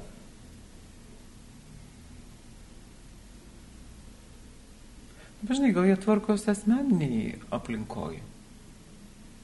Aš suprantu taip, kad įstatyminė bazė yra labai svarbi, žinai, bet vėlgi, žinai, jeigu tu e, eisi balsuoti ir pabalsuosi už labai ten kažkokią tai gerą ir pra, prašmatinę partiją ir viskas įstatyminiam lygmenį bus gerai, bet tu būsi keulė namuose, keulė darbo vietoje, tai gal geriau atvirkščiai, gal jau neik balsuoti, bet šiaip būk geras žmogus. Nu, aš jeigu taip žiūrėt giliau, aš nedaryčiau čia fundamentalesnio skirtumo. Tiesiog, kad politiškas žmogus, jisai vienai per kitaip, kaip sakyt, jeigu tu esi apolitiškas, tai nesvarbu, ką tu galvoji apie save, bet tu vis tiek bus atspindys visuomenės. Žinai, aš galvoju, kas priverstų mane įti balsuoti, aš nueinu kartais balsuoti. Na, per vienus rinkimus einu, per kitus neinu, kaip, kaip jau ten man užplaukė. Kas mane tikrai priverstų eiti balsuoti, jeigu būtų labai akivaizdžiai, jeigu labai akivaizdžiai reikėtų balsuoti prieš ką nors. Na, jeigu, tarkim, viena iš partijų kandidatuojančių į Seimą būtų labai nacionalistinė, rasistinė, ksenofobinė kokia nors. Na, tada yra tokia, na. Jo, bet jinai ten ne, kažkokia visai, visai niekur neišlindus. Jeigu viena iš rimtų kandidačių partijų būtų tokia, tikrai eičiau balsuoti vien tam, kad balsuoti prieš šitą partiją. Tai jeigu aš matyčiau kažkokį tai akivaizdų pavojų, eičiau balsuoti tikrai. Bet kadangi tos visos partijos daugiau mažiau nuosaikios ir jo didelė žalos nepadarys nei viena, ten nėra labai didelio skirtumo, kuri laimės, tai kažkaip tada aš galvoju viską. Viskas čia gerai. Nu jo, jo. Apskritai, tiek, tiek užsienio politikos klausimų Lietuvoje nėra ir negali būti tokios valstybės. Mm. Pusė vidinių klausimų yra nuo iš ES ateina sprendimai. Tai Dažnai, kai tu atsakai, kad tu nusivylęs jaunimu, aš... Aš nesu nusivylęs, bet grinai va šitas momentas. Mm. Aš manau, jis problematiškas. Žinai, aš universitete dirbau dar tada, kai buvo Amerikoje paskutiniai rinkimai Ir aš turėjau kaip tik 8 val. ryte paskaitą, tada, kai tą naktį paskelbė, kas laimėjo. Ne? Mes susirinkom į paskaitą ir tie studentai buvo tik atvažiuodami ten, žinai, į paskaitą pasigūglinę ir sužinojo, kad laimėjo Trumpas. Jie manęs paprašė, ar mes galime nevesti paskaitos tą dieną, nes jie buvo tokiam šokė ir tokioj traumoje visi, kad jie paprašė tiesiog, ar mes galim pasikalbėti tą pusantros valandos tiesiog nusiraminimui, nes, nes jiem, jie buvo labai šokiruoti to žinios ir labai išgazdinti to žinios. Na, tai mes tiesiog kalbėjome mes apie tai, kas čia dabar gali būti, ko čia vis tik negali būti. Tai... Tai, tai aš sakau, net nesu nusivylęs jaunimo, man tikrai nepatinka tos senių dainos pastovus. Varė man jaunimo, visą laiką jaunimas ten šiknas pardo seniam ir taip ir turi pasaulis judėti. Dabar šiaip tas populiarios tokios dainos yra, kad nedirbu už 400, arba tenais, ar savo laiku eidavau žačių po valgrindės, nu tai, tai tu eidavai, tai gali dabar eiti. Nu, tai aš suprantu. Ir toliau eidavai. Nu, kodėl čia, prasme, kodėl, jeigu tu kentėki, dar tyras kitas turi kentėti, jeigu gali nekentėti. Tai šito viso, šito visų pezėjimo aš nepripažįstu, bet mano atsakymas būtų, aš asmeniškai tai žinau, kad jis laimės. Negi buvau susilažinęs. Man reikėjo perskaityti tiesiog kelias knygas, konkrečiai Tokvilį ir Ortį. Tai gera knyga yra, jisai kalbėjo apie tos procesus, kurie, tai buvo 2002 metų knyga, va, tai vyko po 14 metų. Tai va, tai prie ko linkstu. Jeigu būtų buvęs, va, tiesiog būtų tikėjimas, pasitikėjimas proto, stengiamas suprasti tą situaciją, tai nebūtų buvę tokia, toks, toks, toks šokas. Ne, aš tai labai ilgai neigiu dalykus, kurie yra akivaizdų, žinai, aš taip noriu, kad būtų geriau ir aš labai ilgai tikiu, kad vis tik, žinai, geris nugalės pasaulyje ir tikiu iki paskutinės minutės, kad ir ką sakytų visi argumentai. Nu, ne, neklausau jų, nenoriu jų prisileisti ir iki paskutinės minutės, gyvenu iliuziją. Nu, bet man, žinai, bent tada esu laiminga, kol, kol, kol nematau tos tiesos, o paskui jau kai tenka pamatyti, tenka pamatyti. Aš manau, kad apskritai nėra žmonių, kurie be vilties gyventų. Ne, nemanau, kad tai manoma yra. Galbūt netgi tas visiškas juodas nihilizmas irgi yra tam tikra vilties forma. Na, aš dabar, pažiūrėjau, tikiu, kad Baltarusijoje viskas bus gerai, kad jie tikrai nuvers Lukašenką, kad jiem bent kažkiek pavyks atsiskirti nuo Rusijos. Aš žinau visus argumentus, na, iš, kad taip nebus. Aš viską suprantu racionaliai. Aš galvoju, nu gal, gal vat kažkas atsitiks, gal, gal suveiks kažkas, ne, nu, ne, ne tie argumentai, kurie tokie logiški yra, nu gal kažkoks stebuklas atsitiks, bet laukiu stebuklo. Tai aišku atsitiks. Taip, bet va, čia ir yra tas, sakykime, dėl ko vat, aš matau visą laiką laisvę tą patį su politinės bendruomenė. Dėl to, kad iš tikrųjų aiškiausiai laisvė pasimato tada, kada kaip sakyt, prognozuoti laisvės neįmanoma. 80-metį Amerikoje buvo padaryta didžiulė sociologinė apklausa apie tai, kaip atrodys pasaulis po 15 metų. Ekonomistai buvo apklausti. Jūs galbūt žinote šitą bairį, gal girdėjus esate. Mm. Ekonomistai apklausti, psichologai, filosofai, sociologai ir vis buvo didžiulis klausimynas. Mm. Niekas neatspėjo. Ir buvo daug ko prirašyta, bet procentas, kad nebus Vietų sąjungos. Buvo kalbama apie trečią pasaulinį karą, mm. Apie kažkokius mažus karus, nu viskas buvo, bet kad nebus Sovietų sąjungos po dešimties, mm. dešimties metų, to niekas neparašė. Tai. Ne, čia buvo protų nesuvokiamas, žinai, dalykas. O, tai va, šitas turbūt man irgi, žinai, dar prideda to tikėjimo stebuklais kai man, tarkim, mano, žinai, draugas iš Turkijos sako, nu nebus, taip nebus, žinai, aš sakau, tu gyveni Turkijoje ir Turkijoje taip nebuvo, aš gyvenu Lietuvoje ir Lietuvoje taip buvo. Kaip taip atsitiko, nežinau, nu tikrai stebuklas. Na, daugiau stebuklo negu kažkokio tai proto. Nu, bet va, atsitinka stebuklai. Tai... Taip, taip, aš manau, kad tuo, tuo metu ir argumentai buvo dar stipresni negu dabartinis Baltarusijos atžvilgiu. Mhm. Jie turbūt logiškesni, bet nu, nevyko kaip įvyko. Na, nu, aš aišku, daug, daug kas pasakytų, kad tiesiog ne, ne, ne tas knygas skaitėt. Viskas ir tai buvo aišku, tokių veikėjų savęs. Mhm. Aš dabar vat, mėgstu kartais parašyti kažką. Kaip jūs, kaip jūs keičiat mūzas rašymo procese? Atsisėdu prie kompiuterio, kai 8 ryte ir sėdžiu, neatsistodama iki vakaro 8.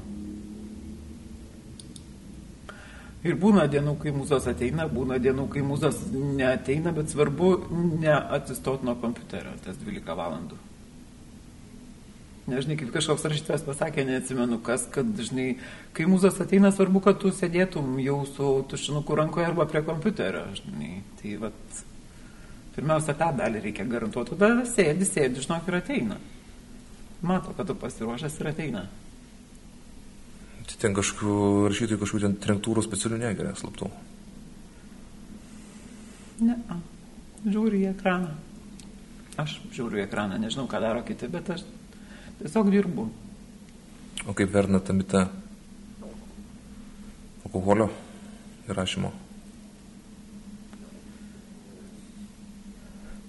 Turim, kad jeigu išgersi, tai geriau parašysi? Nu, tai taip. Čia Bukovskas gal prisidėjo nemažai prie šito viso momento. Dažnai nu, alkoholikai visada turi visokių pasiteisinimų, kodėl jie geria. Bet jums tai to šnipsas yra, ne? Kad čia kažkaip ne, neatsiejami dalykai. Na, šiaip daug, daug rašytų, kaip Džekas, Džekas Londonas, ypatingai amerikiečių tradicijai. Bukovas ten netgi lygino, lygino save su gal netgi daugiau negu pusė autorių kas Bet mes, mes nežinom, ką jie būtų parašę, jeigu jie būtų ne alkoholikai. Gal jie būtų parašę dešimt kartų didesnius šedevrus, jeigu nebūtų apkvėšę visą laiką. Gal jie ir parašė tik tai tai, ką parašė, todėl kad geria. Gerai parašė, nesakau, bet, žinai, jeigu būtų negeria, gal būtų parašę dešimt kart geriau. Bet toks dalykas kaip įkvėpimas yra. Pavyzdžiui, ta pozicija, kai kurie žmonės sako, kad tokio dalyko nėra, tiesiog yra darbas ir tiek. Ir kai kurios dienos būna geros, kai kurios dienos būna blogos. Man būna tokių dienų, kai aš prasėdžiu 12 valandų ir parašau 3 sakinius, būna dienų, kai parašau 2 lapus, būna dienų, kai parašau 2 lapus ir vakarai juos ištrinu, nes jie yra, nu, paskaitau ir pačiai nepatinka. Būna labai gerų dienų, kai rašosi labai gerai, būna dienų, kai nesirašo. Bet net ir tom dienom, kai nesirašo, aš niekur neinu, aš vis tiek sėdžiu prie kompiuterio. Nes tik tai leisk savo. Tik leisk savo atsistot nuo kompiuterio, ne, niekada neparašysi nieko. Žinai, proza yra kitas žanras. Poezija gal ir gali laikytis ant įkvėpimo, žinai. Jau gatvė šovė mintis, žinai, va ir ten, žinai, per dešimt minučių parašiau eilėraštį. Gal. Romano neparašysi ant įkvėpimo.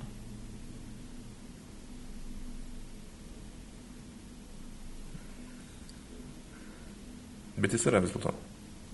Tas, vat, jūs ieškot kažkokių priežasčių, kad, pavyzdžiui, galbūt šiandien teisingų laikų atsikėliau, arba ten kažką suvalgiau, net, net neverta.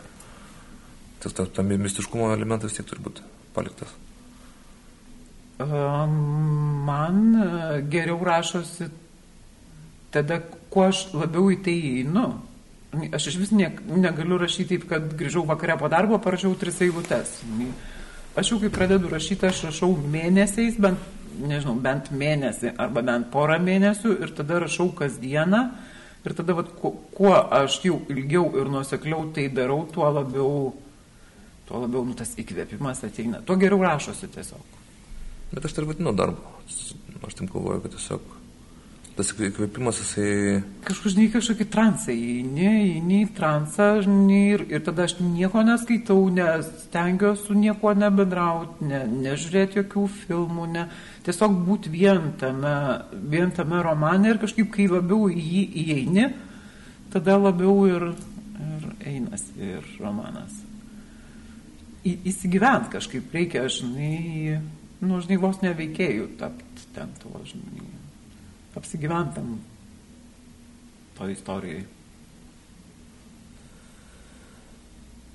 Nežinai, bet sakai, tu, tau žiūrint filmą nekyla empatija, tai, tai va rašant irgi kažkaip turi empatiją kilti tiem veikėjam. Ne, neaprašysi gerai, kaip veikėjas jaučiasi, jeigu, nu, neįeisi į tą veikėją kažkuria prasme. Aš literatūrą iš to suprantu. Absoliučiai. Kine. Yra labai gerų filmų. Ne, gal tu, tu apie kinus taip kalbė, todėl kad tai tiesiog kaip ir literatūros, taip ir filmų yra labai daug neprofesionalių. Tiesiog mirga prieš akis ir tiek, bet... Ne, man tiesiog yra... Sakau, aš kažkaip konkrečiai pas save fiksuoju tam tikrą kognityvinį skirtumą kaip, pavyzdžiui, aš negaliu studijuoti iš audio knygų, mhm. man būtina skaityti, būtina matyti tą diskursyvumą, kaip autorius dėlioja savo mintis ir kur jisai kažko privenė, kur jisai bėga, kur jisai argumentą plėtoja. Ir grinai, vat, su, kartais išėti tą dialoginį santykių su juo. Audio knygą, kad ir kokią aš iš, išklausyčiau, niekada to nevyksta. Juristinio momento. Turi būti skaitimas, man asmeniškai. Nors paskaita irgi kitaip yra. Nu, bet čia gal tiesiog tokie asmeniniai dalykai, bet kaip šitą klausimą suformuoluot apie žmogaus norą vat, būti rašytoju, aš galvoju, pritartumėt tam pasakymui, kad e, jeigu gali nerašyti, nu čia bet, bet kuriam mene, tai nerašyk. Nes aš, aš meškai galvoju, kad jisai nėra teisingas.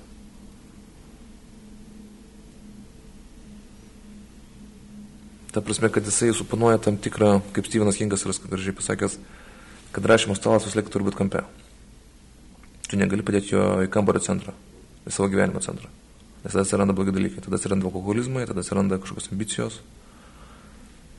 Tai aš tiesiog perfrazuočiau, jeigu, jeigu gali rašyti, rašyk. Jeigu negali rašyti, vis tiek rašyk.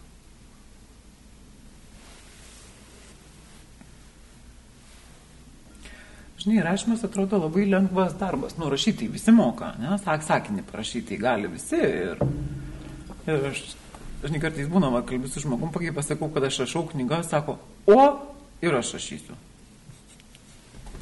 Žinai, aš kokį turbūt girdėjau, nu, bent 30 kartų šitą pasakymą, kad, nu, blemba, tu tai rašai, va, o ir aš irgi rašysiu. Nė vienas iš jų neparašėt, nu, tai nėra taip, žinai. Nu, ne visiems, nenoriu šiek žinai, kad labai arogantiškai nuskambėtų, bet ne visiems duota, kaip ir viskas yra, ne visiems duota. Vieni yra geri vyrėjai, kiti negeri vyrėjai. Nu, vad kažkodėl vieniems žmonėms duota, kitiems kitiem ne. Ir čia vien noro ir apsisprendimo neužtenka. Čia tiesiog yra, žinai, Dievo dovana. Arba tu ją turi, arba tu jos neturi. Aš labai noriu, pavyzdžiui, grot. Nu, žiauriai noriu grot. Nu, bet kažkodėl negroju, nes, žinai, tik pabandau ir pamat, pamatau, kaip sekasi ir piešti labai noriu. Aš labai pavydžiu žmonėm, kurie moka piešti ir gali iš, išreikšti save per piešimą. Žiauriai noriu, bet aš ne, nemoku. Nu, aš, ir aš ten galiu mokytis, žinai, techniškai kažką pramoksiu, bet vis tiek, nu, niekada nėra taip, kad tai, ką aš noriu pasakyti, aš ir pasakau per piešimą, pavyzdžiui. O per rašymą aš galiu, ką aš noriu pasakyti, tą aš ir pasakau. Kiti turi kitų būdų išreikšti save. Tai jūs apie talentą kalbat. Pavojingas žodis yra. Mano supratimu. Nežinau, man tai žinok, čia yra Dievo dovana. Vat, ma, ma, nu, aš tikrai tai priimu kaip dovana man, kad man vat, Dievas davė tokią,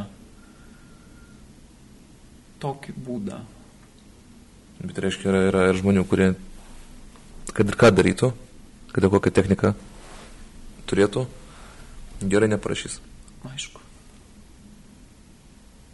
O ką daryti, jeigu jie yra tokie, bet dar turi ir ambiciją tai prašytojais?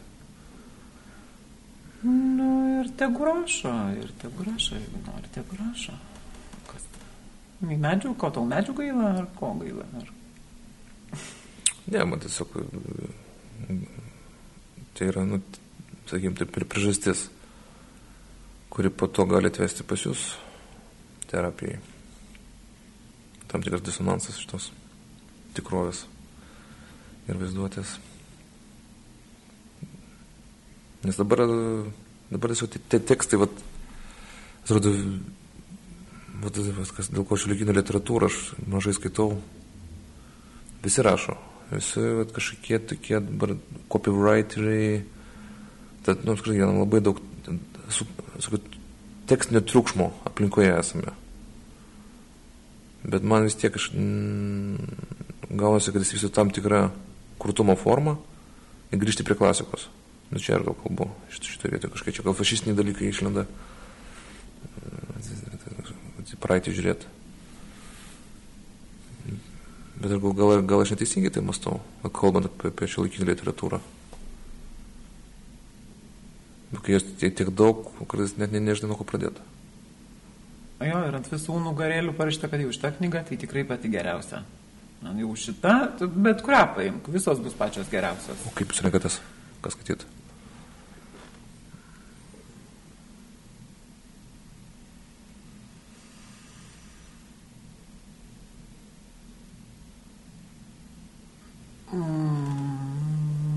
Renkuosi arba labai jau žinomas pavardės, arba kartais renkuosi iš kažkokios keistos šalies, jeigu, tarkim, Ekvadoro rašytojo išleidžia knygą, tai tiesiog, žinai, iš, iš smalsumo paskaitau, aišku, visai nebūtinai ten bus, bus geriausia, bet tiesiog, žinai, kažkokios egzotikos norisi.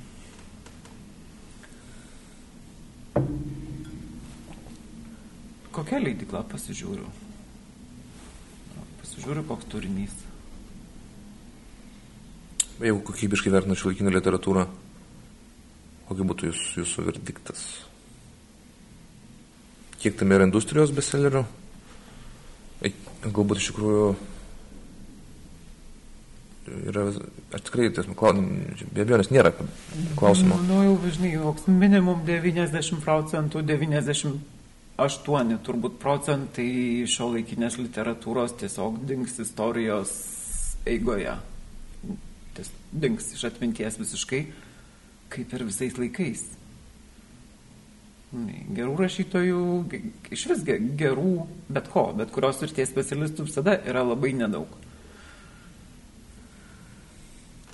Viskas atsisijos istorijos eigoje, tiesiog užsimirš, užsimirš, užsimirš ir, ir neliks. Man, žinai, iš patirties aš galiu, iš savo patirties pasakyti, kaip atskirti rašytoją nuo grafomano grafomanai visada įsitikinę, kad jie sukūrė nuostabų kūrinį.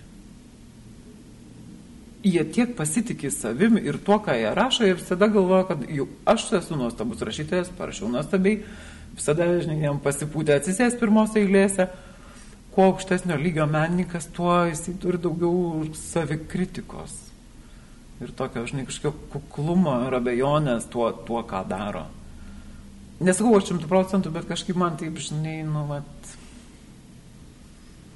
Žinai, menininkas turi to, žinai, abejonę savim. Ir pritariu jums čia, apskritai vėl grįžtant prie to, čia ta proto savybė yra. Tokia, ne, ne, ne, ne arogantiška, bet kai tu matai tą visą horizontą literatūrinį šitą mm. vietoj, tada kažkaip lengviau vertinti savo ten tos darbus. Nu, čia taip Sokrato principas. Mm. Bet iš tikrųjų tas, tas, tas vis didesnis žinojimas, jisai, jeigu yra nuoširdus žinojimas, jisai arogancijos nekelia. Aš pridėčiau dar vieną savybę. Man atrodo, kad visą laiką geri rašytojai turi būti ir geri skaitytojai. Kartais galbūt ko, vat, per visą mano tirado, kur buvo apie tą tekstinį triukšmą, kad iš esmės žmonės nebeskaito knygų taip, kaip jas reikėtų skaityti. O kaip jas reikėtų skaityti?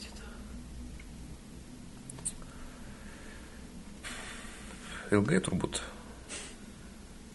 Nu, aš nemanau, pavyzdžiui, kad įmanoma, dabar, kur vyksta skaičiavimai, per metus, pavyzdžiui, perskaityti 300 knygų. Aš kada pažiūriu savo biblioteką, ji nėra didelė ir kada matau, pavyzdžiui, klasikinius kūrinius, tai man norisi išėti iš, iš kambario. Su, su klasika tas yra problema ta, kad jos neįmanoma perskaityti. Jos laikas skaitai, jos laikas yra procesas skaitimo. Ir aš vat, pažiūriu tą odisėją ir žinau, kad kiekvieną kartą, kai aš atsiversiu, aš galvosiu, kad aš nieko nesupratau prieš tai. Ir aš po to dar kartą skaitysiu, žinosiu, kad dabar nieko nesupratau. Tas, tas toks, nežinau, čia skambi frazė, galiu numesti dialogas, pavyzdžiui. Nu, vat. Bet tas, tas skaitimas, kada Nu, man, man aš neįsivaizduoju, kaip būtų galima, pavyzdžiui, perskaityti klasikos 300 kūrinių per metus. Čia per gyvenimą tikrai perskaityti. Ta prasme, kad kiekvieną pagauti niuansą, supras kontekstą, supras dviprasmybės teksto. Čia 300 kūrinių tampa viso gyvenimo žutimtina. Jo, aš sutinku, jie tiesiog tave taip pripildo, tiesiog užpildo tave ta knyga. Ir emociškai užpildo, ir intelektualiai užpildo, ir, žinai, nesinori taip greitai iššokti prie, prie kito, žinai, nes tiek sustimuliuoja, kad paskui reikia laiko, žinai, apdirbti tai visai informacijai ir emociniai, ir intelektualiniai, kurią gavai. O ta paviršinė literatūra nieko ne, nes, ne, nestimuliuoja, neištrigerina nieko. Tiesiog, žinai, perskaitai kaip nežinau, kaip Maksimos katalogą, žinai, mėsa po tiek, po tiek, po tiek, žinai, o šampūnas po tiek. Padėjai ir užmiršai. Ir tada noris kitą imti vėl. Tokia labai paviršinė stimulacija. Kaip atrodo lietuvių, lietuvių literatūra šitam kontekste? Nes, žiūrėjau, kaip aš tai reiškia, man atrodo, kad kanonas dabar suformuotas yra labai blogas. Turėsime, kad mes ten turim skaityti autorių, kurį nereikėtų šiaip skaityti. Labai gerai atrodo lietuvių literatūra, 2 procentai gerų knygų, 98 procentai tiesiog užpildymo, kaip ir bet kur kitur. Visur taip yra. Nedaugiau negu 2? Ar nedaugiau negu 2? Procentai. Mm. Nu, 5. negali būti daugiau, supranti, negali būti, nu, tu, nėra tiek talentingų žmonių, jau procentaliai gamtoje nėra tiek daug. Na, vienas dalykas amatas, kitas dalykas genijus. Tai genijų tikrai tenais, kiek ten 2 procentai, man atrodo, visuomenė yra, bet... Dar gerai, jeigu ir tie du yra, nėra nei tų dviejų turbūt. Turbūt yra 0,2. Tai yra labai normalu. Nu, Tiesiog, kad ne, ne visi nueina į tą, ne visiems pasiseka, kad genijam ir tie, kur genialumas, galbūt tiesiog kažkoks vertas, jisai pabaigė savo gyvenimą kaip statybininkas. Hmm? Tas yra.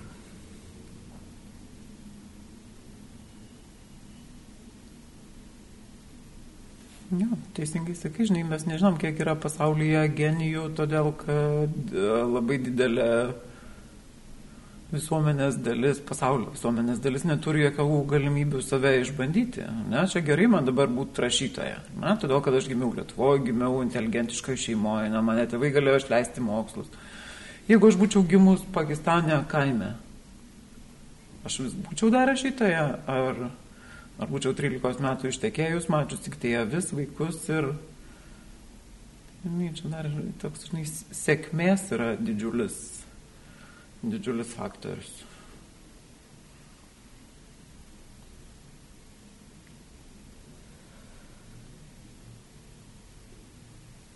Tai jūs taip labai kažkaip fiksuojat, kad, kad uh, geros Geros knygos priežastis yra tiesiog žmogus talentas. O pavyzdžiui, kažkokie epochos, epochos skirtumai kažkokie, vat, esu pastebėjęs, kad 90-aisiais, kada keitėsi, kada buvo laisvas pojūtis labai didelis Lietuvoje, buvo labai daug įdomaus ir gero meno. Trumpam produkuojama. Po to tas dingo. Aš teisingai, kad nėra, nėra tik tai talentas, ar jūs iš savo patirties, šitą matote, tik kad nuo žmogaus priklauso kaip jiems susidėlioja neuronai, tokia, tokia ir bus kūryba.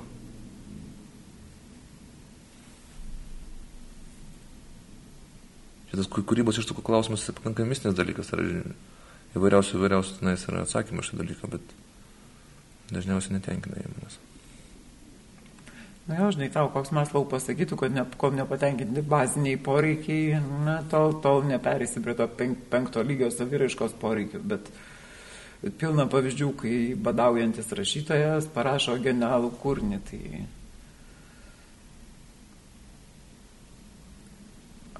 tai tikiu tą Dievo dovaną. Tie, kurie turi, jie, nu, jie, jie ir pasinaudoja turbūt vis tiek ir prasimuša. Vėlgi, nežinau, žinai, jeigu tu ten gimiai būti muzikantu, bet niekada neturėjai sąlygų Nu, aplinkybės, kurios gali blokuoti, taip daug yra aplinkybių, kurios gali blokuoti su rašymu, gal lengviau, žinai, bet su, su ten, kur reikia, gal aš, pavyzdžiui, gimiau būti labai gera, nežinau, jojikė. Ne, ką žinau, aš niekada gyvenime ant arklio nesusėdėjus. Jeigu man būtų kažkaip susiklostę situacija taip, kad aš būčiau ant arklio patekus, gal būtų paaiškėję, kad aš nerašyto jot iš tikrųjų gimiau. Ne, čia taip, žinai, aplinkybių įtakos daug.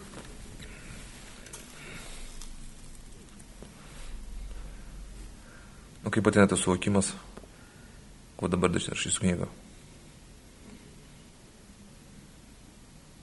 Nu, va taip ir ateina, žinok, o dabar aš rašysiu knygą.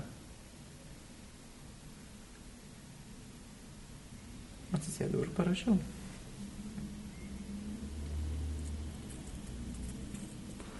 Tai reiškia, kad jūs pakankamai žiūrit kritiškai tada į visas rašymo, kūrybinio rašymo akademijas, ten rašytojų amato visus mokymus?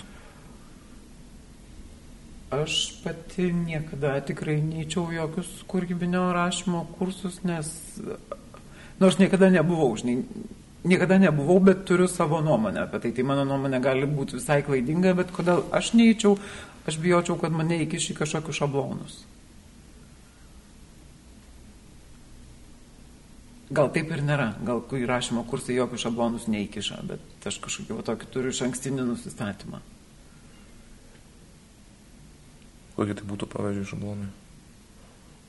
Žinai, ar talentingam žmogui reikia kažkokių kursų, nu jeigu jis yra talentingas, Nu, bet džek muzikai, žinai, ne, netampa talentingi nesimokydami. Ne. Žinai, rašyti, mokytis gali, tiesiog reikia mokytis ką nors, ne? Nu, aš baigiau istoriją, paskui baigiau filosofiją, paskui, na, tai tiesiog daug mokiausi visko kitko. Aš nesimokiau rašymo niekada, bet aš manau, kad tas įslavinimas kitose sritise, aišku, kad prisidėjo prie, prie rašymo. Ypatingai filosofijos turint minį, kad disciplina, kuri moko kalbėti.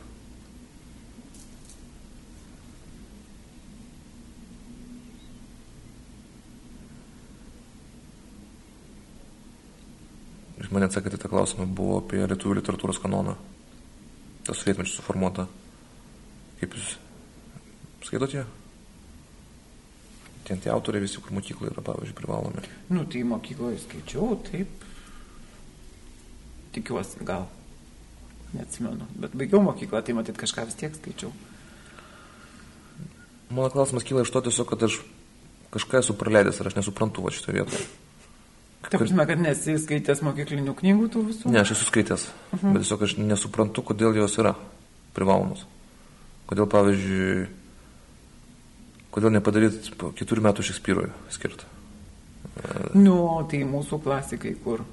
Suprant, žinai, norisi ir savo klasikų įdėti, o jau kokius turim, tos klasikus tokius turim. Tai galima po to jos, po to jos įdėti, bet aš nemanau, kad įmanomas, bet sakau, galbūt aš čia kažko nesuprantu, galbūt ten yra tikrai kažkas žiūri gero toje literatūroje, apie kaimą.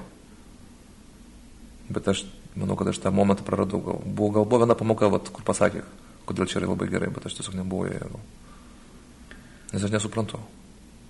Gal žinai, ten kažkokių bendražmogiškų dalykų reikėtų ieškoti, nu ar kaime ar ne kaime, vis tiek ten ir meilės istorijos kažkokios yra, gal reiktų atmesti tą dalį, kad viskas vyksta kaime ir žiūrėti tik tai į, į santykius, gal tai tau palengvintų. Tai jūs sako, kad e, jinai yra vis tiek verta skaitimo. Nu, žinai, aš manau, kad iš lietuvių literatūros yra atrinkta tai, kas yra verčiausia. Nu, ką padarysi, kad tik tai tas yra, nu, yra kas yra. Žinai, nėra taip, kad mes turim savo Šekspyrą, bet jo specialiai neįtraukiam, nu, mes tiesiog jo neturim. Žinai, išsirinkom iš to, ką turim, o jau ką turim, tą turim. Bet galėtų gavelį dėti daugiau. Jaunas skaitės, pavyzdžiui. Daugiau negu dabar yra.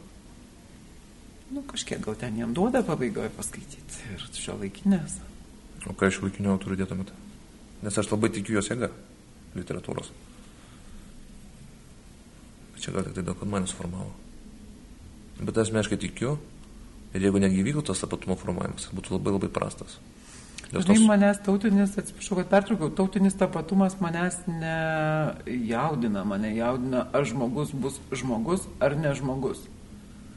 Žinai, ar jisai jausis lietuviu ar ne lietuviu, man netaip svarbu, bet, žinai, man labiau gal ta vertybių ugdymo pusė. Žinai, svarbu, kad mes žmonės būtume, nesvarbu, ar po to jau ten lietuviai, ar kas tik tai nori. Tai aš pritariu, bet tai, saky- sakyčiau, švietimo ministerija darydama literatūros kanoną šito, šito momentu nemato. Nes aš manau, kad vertybės žymiai geriau vėl grįšiu prisikartosiu. Ugdys Šekspyras, a, jaunesniem Diuma, Stevensonas, tas paskonanas Doilis. Ir mes kalbam ne apie vieną kūrinėlį ištrauką, bet konkrečiai, vat, nu, tomais. O ką biliūno kliūdžiau blogos vertybės? Iki, ši, o kas negerai iki šiol verkiu skaitydama? Nu, tai jūsų vaizduotė labai stipri. Galbūt dėl to, bet tiesiog šiaip paimkite žmogus šeštokas. Po pamokos jisai bus įsivaizduojama pasaulyje per kompiuterinius žaidimus, kur menamas kliūdžių įvyks tūkstantį kartų per tą vakarą. Ir jam dabar reikia susijaudinti dėl kito fantazijos apie tai, kad katė pašovė. Šunė. Šunį? Šunį, aš atsiprašau, senai skaičiau jau. Tai manau, kad tai yra neįmanoma. Bet vėl ne dėl to, kad pats scenarius ne- neįtikinamas, bet konkrečiai to kūrinio įtikinamumo laipsnis yra žemas. Jeigu, pavyzdžiui, parašytų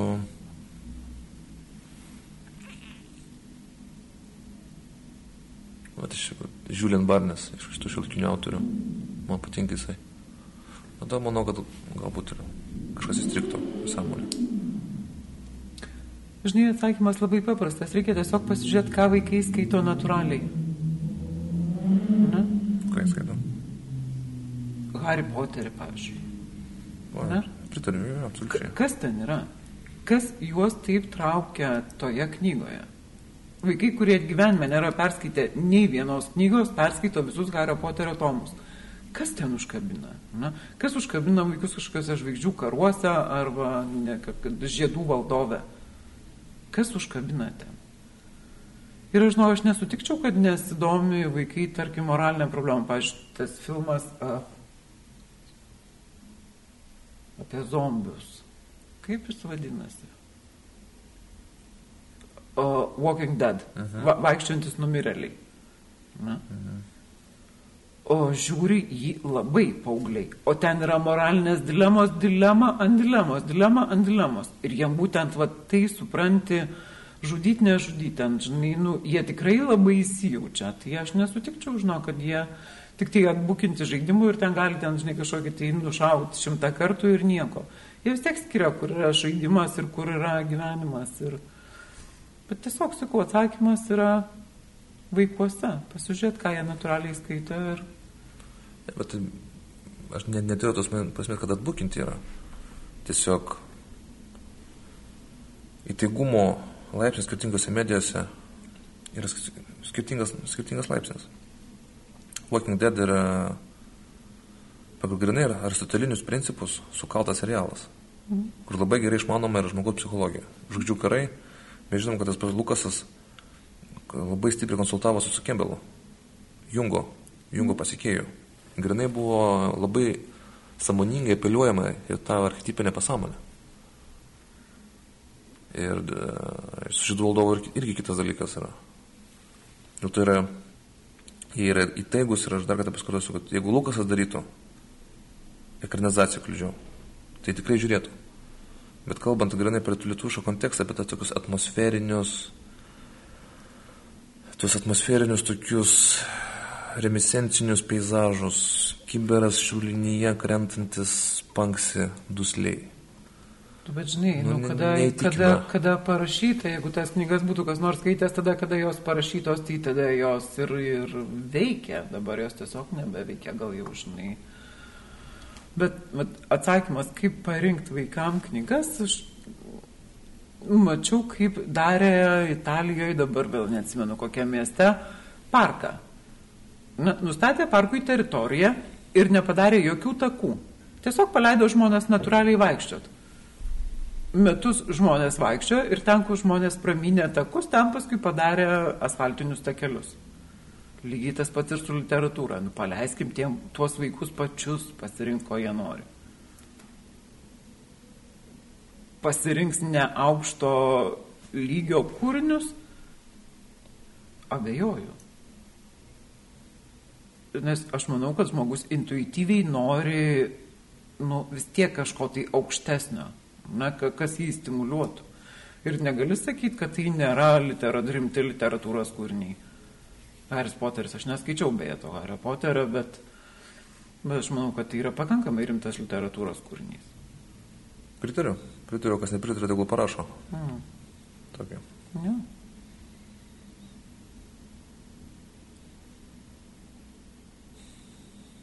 Dėstytoju, ačiū Jums už pokalbį. Prašau.